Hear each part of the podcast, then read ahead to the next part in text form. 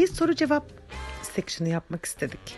Bunun nedeni moleküler patoloji yapılandırılmış eğitim programı ile ilgili genç arkadaşlar arasındaki kafa karışıklığı. Bu yüzden onlardan sorularını aldık. Ve Zafer Hoca bizim için cevapladı. Merhabalar Zafer Hocam. Nasılsınız? İyiyim Vildan. Çok teşekkür ederim. Vildan teşekkür ederim öncelikle e, hem genç asistan arkadaşlarımız hem genç meslektaşlarımız adına. Biz tabii bu e, süreçte hem pandemi hem de çok yoğun bir şekilde kursun hazırlıklarıyla uğraştığımız için belki bilgilendirme konusunda biraz eksik kalmış olabiliriz. Şimdi senin vasıtanla böyle bir bilgilendirme e, oluşacağı için e, çok mutluyum. Teşekkür ediyorum sana. E, bu süreçte asistan ve genç uzman arkadaşlarımızın ilgisi yoğundu. Siz de zaten bu e, sonradan olan ilgiyi e, bizi e, karşılıksız bırakmadınız. Herkese tek tek cevap telefonlarına e, dönmeye çalıştınız. Yani, Teşekkür ediyorum bunun burada için. Burada temel bir hedefimiz var e. E, çok çok önemli e, hepimiz için bu yani e, moleküler patoloji çalışma grubuna yer alan bütün hocalarımız için e, asistan arkadaşlarımızın bulundukları ortamlar çok farklı kurumda e, asistanlık yapan eğitim araştırma hastanesi, üniversite hastanesi e, asistan arkadaşlarımız var. Hepsi moleküler konusunda belki eşit eğitim müfredatına sahip olmayabilir. Biz onların hepsinin bu temel şeyi e, moleküler eğitimini almasını hedefliyoruz. Ki e, bu e, ilk yapacağımız eğitim programı için toplam 430 civarı bir e, başvurumuz var ve bunların yüze yakınının asistan olması çok çok sevindirici.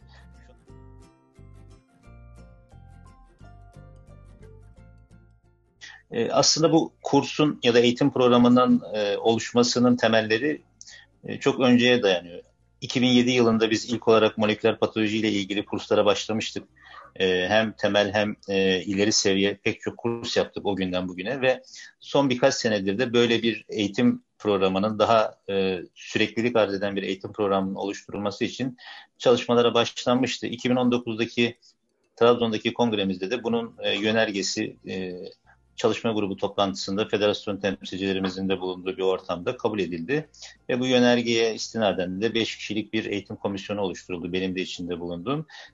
Yaklaşık e, yanlış hatırlamıyorsam 52 farklı ders ve 60 saatin üzerinde konuşma var. E, 30 civarı konuşmacımız var. Bunlardan bir kısmı e, patoloji camiası dışından konuşmacılar e, sağ olsunlar bizleri kırmadılar. Onlar da e, kursa katkıda bulundular. E, bu teorik kısmı için tabii bir de teorik kısmını tamamlayan e, adaylar, kursiyerlerimiz sonrasında pratik kısmına e, geçiş yapacaklar. Yani hem teorik hem pratik dolu dolu e, bir eğitim programı olacak. E, o teorik eğitimin hani online olması pandemiden sonra e, olan bir şey mi yoksa hani siz nasıl planlıyordunuz? Pandeminin bundaki etkisi ne oldu online e, düşünmenizde bir etkisi var mı? Aslında aslında pandeminin e, bir etkisi yok Bildancığım. Biz bu e, dediğim gibi 2019 Kasım'daki kongreden sonra hemen e, Ekim sonundaki kongreden sonra Kasım'ın ilk haftası e, MİPEK olarak bu 5 hocamız ilk toplantımızı hemen gerçekleştirdik 5 Kasım'da. E, çalışma grubumuzun sayfasında da o toplantı kararları var zaten oraya da koyduk. Yani aslında daha pandemi durumu başlamadan önce bu bu şekilde planlanmıştı. Böyle planlanmasının birkaç tane esprisi var. Birincisi e, video dersler şeklinde olduğu zaman her an e, kişilerin e, ulaşabileceği bir şekilde olması. İkincisi bunu teorik dersler şeklinde biz e, yapmaya kalksak e, 60 saatlik bir e, ders programı e, iki güne sığdırmak mümkün değil. Uzun süreli böyle e, teorik ders programları da ülkenin pek Yorucu. çok yerinden bu kursu almak isteyen, eğitim programına katılmak isteyen kişiler için çok yorucu e, olacaktı. O nedenle teorik kısmı bu şekilde zaten planlamıştık. Herkes her teorik dersi e, dinlemek zorunda değil. Yani e, işte bir takım doktora programlarını tamamlamış, hala tamamlamakta olan e, veya daha önceden bir takım moleküler e, çalışmalar içerisinde bulunmuş e, arkadaşlarımız, meslektaşlarımız bildiğini, hakim olduğunu düşündüğü şeyleri dinlemek zorunda değil. Herkes yani oraya sonuçta önüne hem program hem o e, derslerin tamamı sunuluyor. ve istediği zaman bir günde hepsini de bitirebilir. 60 gün içerisinde dilediği şekilde veya dönüp tekrar çünkü dersler birbiriyle ilişkili. Yani e, bir de e, şunu söyleyeyim teorik dersleri de iki ana gruba ayırdık. E, bir temel e, moleküler yöntemler ve e, moleküler patolojinin temeline yönelik e, bilgilerin yer aldığı kısım. İkincisi de bunların klinik e, pratikteki uygulamalarına dönük kısım. E, dolayısıyla o klinikle ilgili dersleri dinlerken belki dönüp tekrar o temeldeki bir şeyi e, kaçırdığını fark edip dinleme ihtiyacı duyabilecek. Yani bu, bu imkan elinde olduğu için e, çok daha kalıcı, daha verimli bir teorik e, kısmı olacağını düşünüyorum birkaç soru. Hı-hı. Mesela bu kursun ücreti ne olacak? Ne kadar süreyle online e, olarak o web sitesinde kalacak? Yani insanlar ne kadar süreyle ulaşacaklar? Sınav ne zaman gerçekleşecek? Böyle ben bir kısaca hani kurs sürecinin nasıl olacağını e, söyleyeyim. E, başlangıç tarihimiz e, yakın e, zaman içerisinde oluşacak. Belki 1 Mart'a umarım yetiştirmeyi düşünüyoruz. Dersler şu anda büyük oranda tamamlandı ve e, kontrollerden geçirip video ders olarak e, sisteme yüklenmeye başladı dijital ortama. Bundan sonra e, bir e, kayıt ücreti federasyonumuzla birlikte işbirliği halinde belirlenecek, belirlenmiş olan bir kayıt ücreti e, bu adaylara duyurulduktan sonra e, ücretini yatıranlar kayıt ücretini bu kursun teorik kısmına teorik kısmının o yüklenmiş olan derslerini dinlemeye başlayacaklar. E, şöyle bir şey düşündük. İşte yaklaşık 60 ders e, hani günde bir ders dinlese bir kişi 60 gün gibi bir sürede bunu e, ortalama bitirebileceğini düşüne, düşünerek e, bir planlama yapmaya gayret gösterdik ve e, yaklaşık işte bu kursun başlangıç tarihinden iki ay sonra ya da sınav tarihi belki biraz daha uzun olabilir, üç ay olabilir. Bir sınav tarihi koymayı planlıyoruz. E, teorik sınavı geçen kişilerde e, pratik eğitime e, geçebilecekler. Yani burada bir teorik kısım tamamlandıktan sonra bir baraj aşaması olacak. E, teorikten geçen kişiler pratik için e, belirlemiş olduğumuz o kişilere bildirilecek merkezlerde gidip pratik e, karnesini, bir karne yapacağız pratik için. Çünkü biliyorsun teorik kısımda evet. pek çok ders var ve burada tek bir pratik e, aşaması olmayacak. O da detaylandırılmış durumda. Yani kaç tane PCR tıpkı asistan karnesi gibi kaç PCR yapması lazım, kaç tane fiş yapması lazım, yapması mı lazım, izlemesi mi lazım, kaç tane NGS'e eşlik etmesi lazım, kaç kere DNA izolasyonu yapması lazım. Bunları e, içeren bir karne oluşturuluyor. Aday e, bu pratik eğitimin tamamını aynı merkezde yapmak zorunda değil. Bir kısmını e, şeyleri şimdi atarak söylüyorum. Ankara'da bir merkezde, bir kısmını işte İzmir'de, bir kısmını İstanbul'da bir merkezde, İstanbul'da birden fazla merkezde tamamlayabilir. Tamamladığına dair o kısmı o merkezdeki sorumlu kişinin onayını aldıktan sonra yani pratik sürecinin de o karnesini doldurduktan sonra onun için bir e, süre sınırımız olmayabilir. Tabii biraz bu pratik için işte pandemi durumunun e, ne hale geleceği de e, önemli. önemli.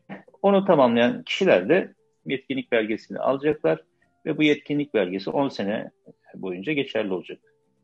Ee, aslında bazı sorulara cevap verdiniz. Ben çünkü hangi şehirlerde olacak sorusu vardı. Özellikle mecbur hizmetli ve uzakta olan arkadaşlarımın özellikle pandemi koşullarının da zaten bunun içerisinde haliyle ama genelde merkez şehirlerde mi olacak? Perifer şehirlerde Şimdi burada tabii eğitimci olabilecek kurumlar arasında. Burada tabii e, belirleyici olan şehirden ziyade o şehirlerde e, bulunan kurumlar. Biz e, bu teorik kısmı hazırlarken kursun aslında böyle bir federasyon üzerinden böyle bir duyuru yaptık kurumlara. Böyle bir e, pratik aşaması için e, gönüllü kurumları belirledik. Ancak tabii e, şey aşaması yaklaştığı zaman bir kere daha bunu teyit edeceğiz.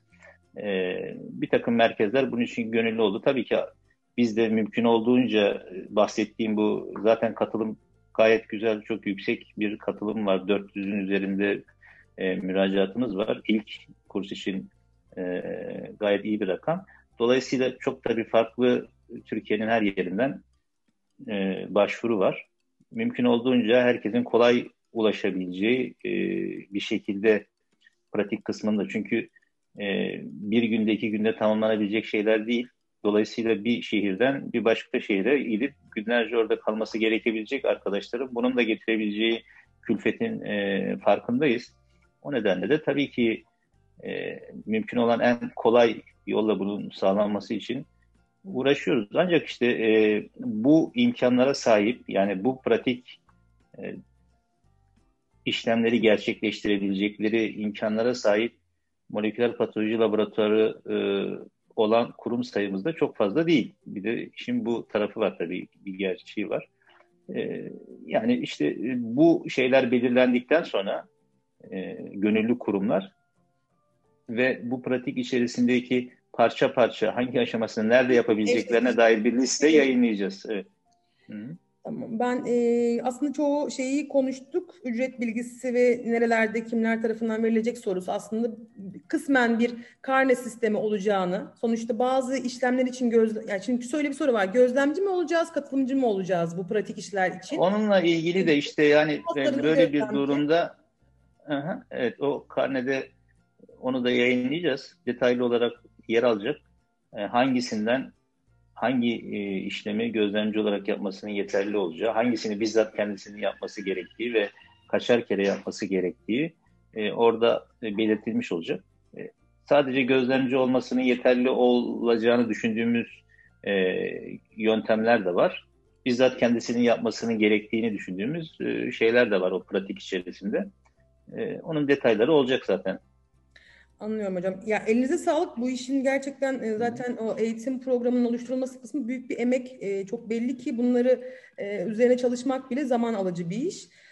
Bir ek e, soruda şöyle deniyor aslında. Ben bu soruyu bu biraz bu şeyin de dışında belki sizin de fikirlerinizi alarak e, sormak istiyorum. Moleküler tetkikler ne oranda kullanılmalı patologlar tarafından? Kullanılmalı mı? Yasal sorumluluğumuz nedir diye bir soru sormuş bir arkadaşım. Ya bunu aslında e, her yerde yaptığım e, konuşmada böyle bir son slide olarak belki bahsediyorum kısaca. Özellikle genç arkadaşlar için, işin başında olan arkadaşlar için. Yani e, moleküler patoloji biz tanı için kullanıyoruz. Tedavide e, birçok şey artık e, hedefe yönelik birçok e, kanserde hedefe yönelik tedaviler ve her geçen gün sayısı artarak e, devam ediyor. Dolayısıyla bu tedavileri hastaların alabilmesi ya da fayda görecek hastaların belirlenmesi yine bizim yapacağımız bu moleküler testler sayesinde oluyor. Hastalığın prognozunu belirleyici birçok parametreye, moleküler parametreye bakıyoruz. E, görüyorsun artık hani e, Dünya Sağlık Örgütü Blue Book'ların her yeni e, güncellemesinde molekülerle ilgili kısımlar genişleyerek gidiyor. İsimlendirmeler, sınıflamalar artık e, önce entegre tanıya döndü. Bir müddet sonra e, moleküllerin daha ön planda olduğu bir şekil almaya başlayacak. Dolayısıyla hani patologlar olarak bunu yapmalı mıyız, ne kadar yapmalıyız gibi bir soru değil. E, biz bu süreci nasıl yönetmeliyizi tartışmamız lazım. O nedenle burada biz bu süreci hep e, patolog olarak tabii ki diğer e, bilim dallarıyla işbirliği halinde buna açık bir şekilde ama e, süreci yöneten pozisyonda olarak e, yapmamız gerekiyor. Yasal sorumluluğumuz bir patolog olarak doğru tanı koyma konusunda nasıl bir yasal sorumluluğumuz varsa aynı oranda. Yani biz moleküler testleri niye kullanıyoruz? Doğru tanı için. Tanıya çünkü tıp eskiden immünüstü kimya nasıl büyük bir katkı sağlıyorsa şimdi artık immün yetmiyor biliyorsun. Üstüne e, moleküler testlerin de katkısıyla doğru tanıya ulaşıyoruz birçok e, tümörde. Artı hastaların doğru tedavisini, doğru bir şekilde tedavi edilebilmesini belirlemek, e, hedefe yönelik tedavi ajanlarının doğru kullanılabilmesi ki kişiselleştirilmiş tedavi e, artık günümüzde e, gündemde. Bunlar için mutlaka moleküler testlerin yapılması gerekiyor ve bunları da en doğru e, yapabilecek kişiler patologlar. Çünkü o kanserin makroskobisini, mikroskobisini yani morfolojisini bilen, ilgilenen nasıl bizsek bu morfolojinin üstüne o kanserin moleküler özelliklerine dair işte testleri yapıp bu moleküler özellikleri morfolojiyle birleştirip e, doğru bir rapor, doğru bir sonuç verebilecek en doğru kişiler de patologlar. O nedenle hep diyorum yani şoför koltuğunda patolog olması gerekiyor. Asistan eğitiminin bir parçası olarak moleküler konulardaki eğitim ne ölçüde var olmalı diye bir soru var. e, işte bir asistan bir PCR fişi değerlendirme yetisinin ötesinde hani bunu zaten e, az çok değerlendirme yetisine sahip olarak bitirmeliyiz diye düşünüyorum ben ama laboratuvar kurma becerisi kazanabilir mi, kazanmalı mı? Çünkü böyle sorular var. Ya ben bu kursun sonunda bir laboratuvarı tek başıma e, götürebilecek yetkinliğe sahip olabilir miyim? E, diye bir soru var çünkü bu sorular arasında.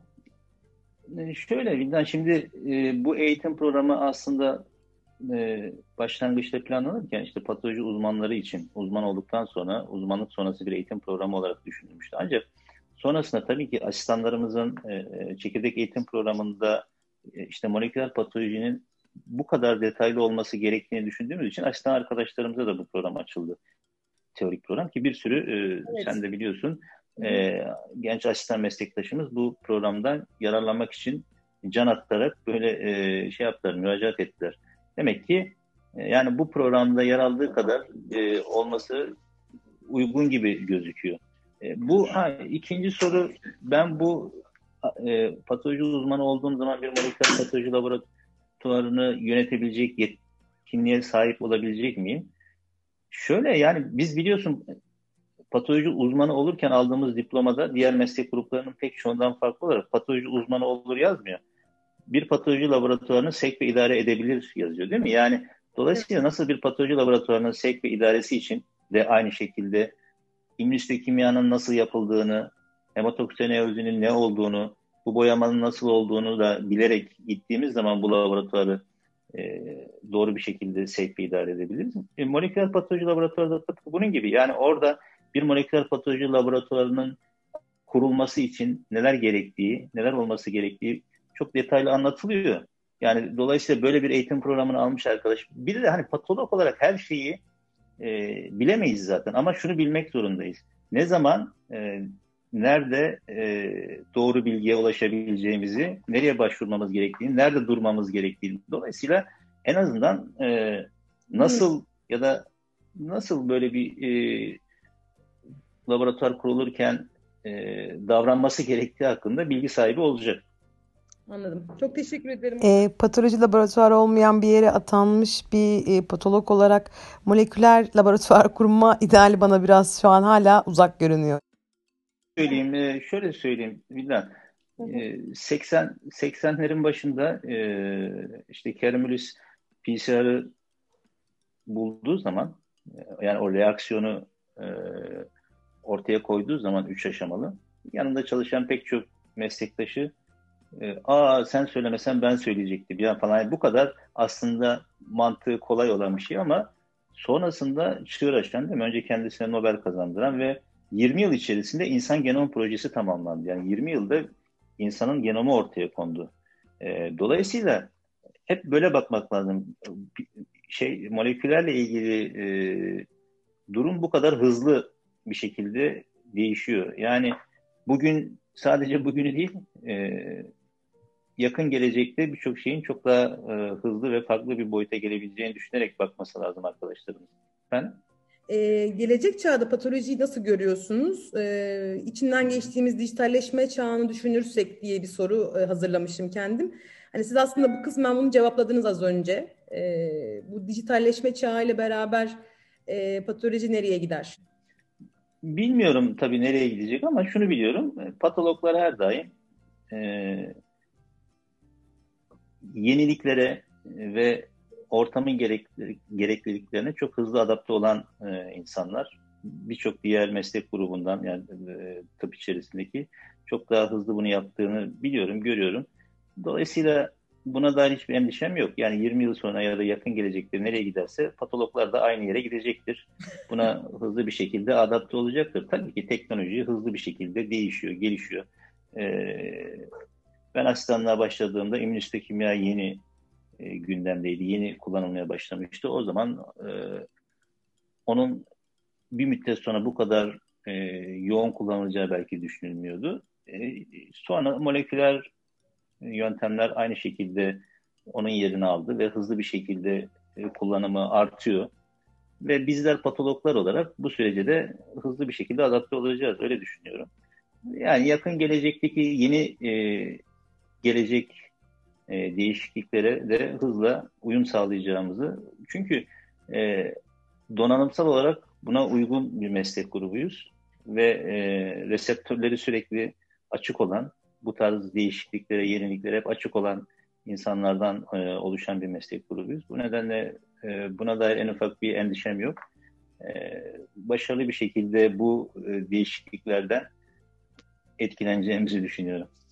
O zaman sizin son mesajınızı ben reseptörleriniz hep açık olsun diye e, kapatmak istiyorum. Bütün genç arkadaşlarım adına çok teşekkür ederim. Çok e, mikroskop başında küçük bir e, söyleşi oldu.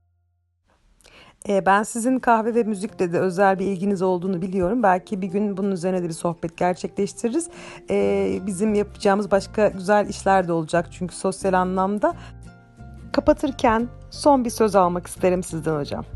Özellikle genç arkadaşlarımız için daha önce birkaç kere e, bu örneği vermiştim ama burada bir kere daha söylemek istiyorum. Şimdi bu e, moleküler e, ilgili süreç bizim mutlaka sahiplenmemiz gereken bir süreç. E, özellikle kanserle ilgileniyorken biliyorsun morfoloji yani makroskobik ve mikroskobik özelliklerine bizler patologlar olarak zaten hakimiz ve sadece bizler hakimiz.